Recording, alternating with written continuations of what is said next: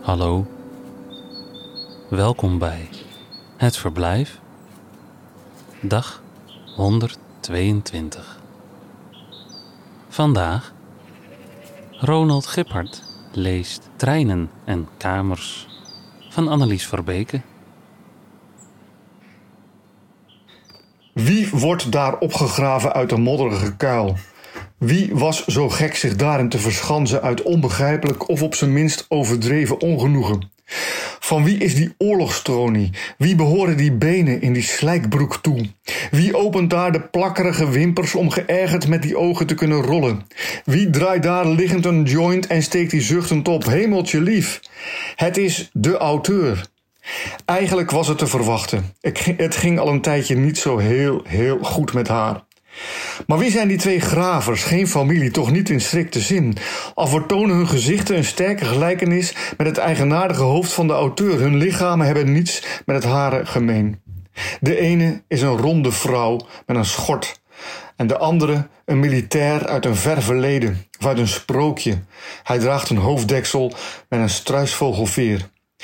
De veer zit hem in de weg. Bij haling veegt hij het versiersel uit zijn gezichtsveld.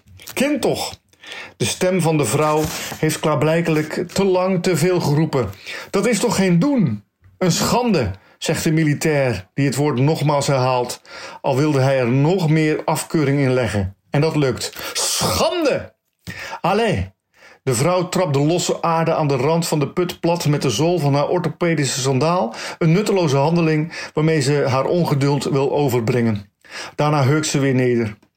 Kom eruit, zoetje.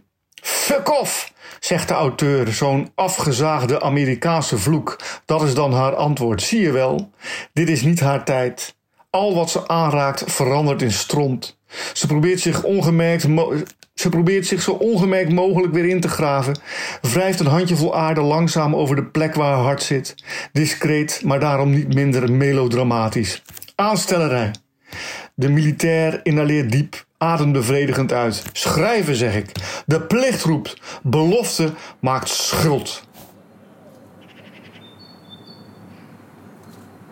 Het Verblijf is een initiatief van Mark van Oostendorp. Redactie Johan Oosterman, Iris van Erven, Jaap de Jong en Lot Broos. Ik ben Michiel van der Weerthof en wens je een aangenaam verblijf.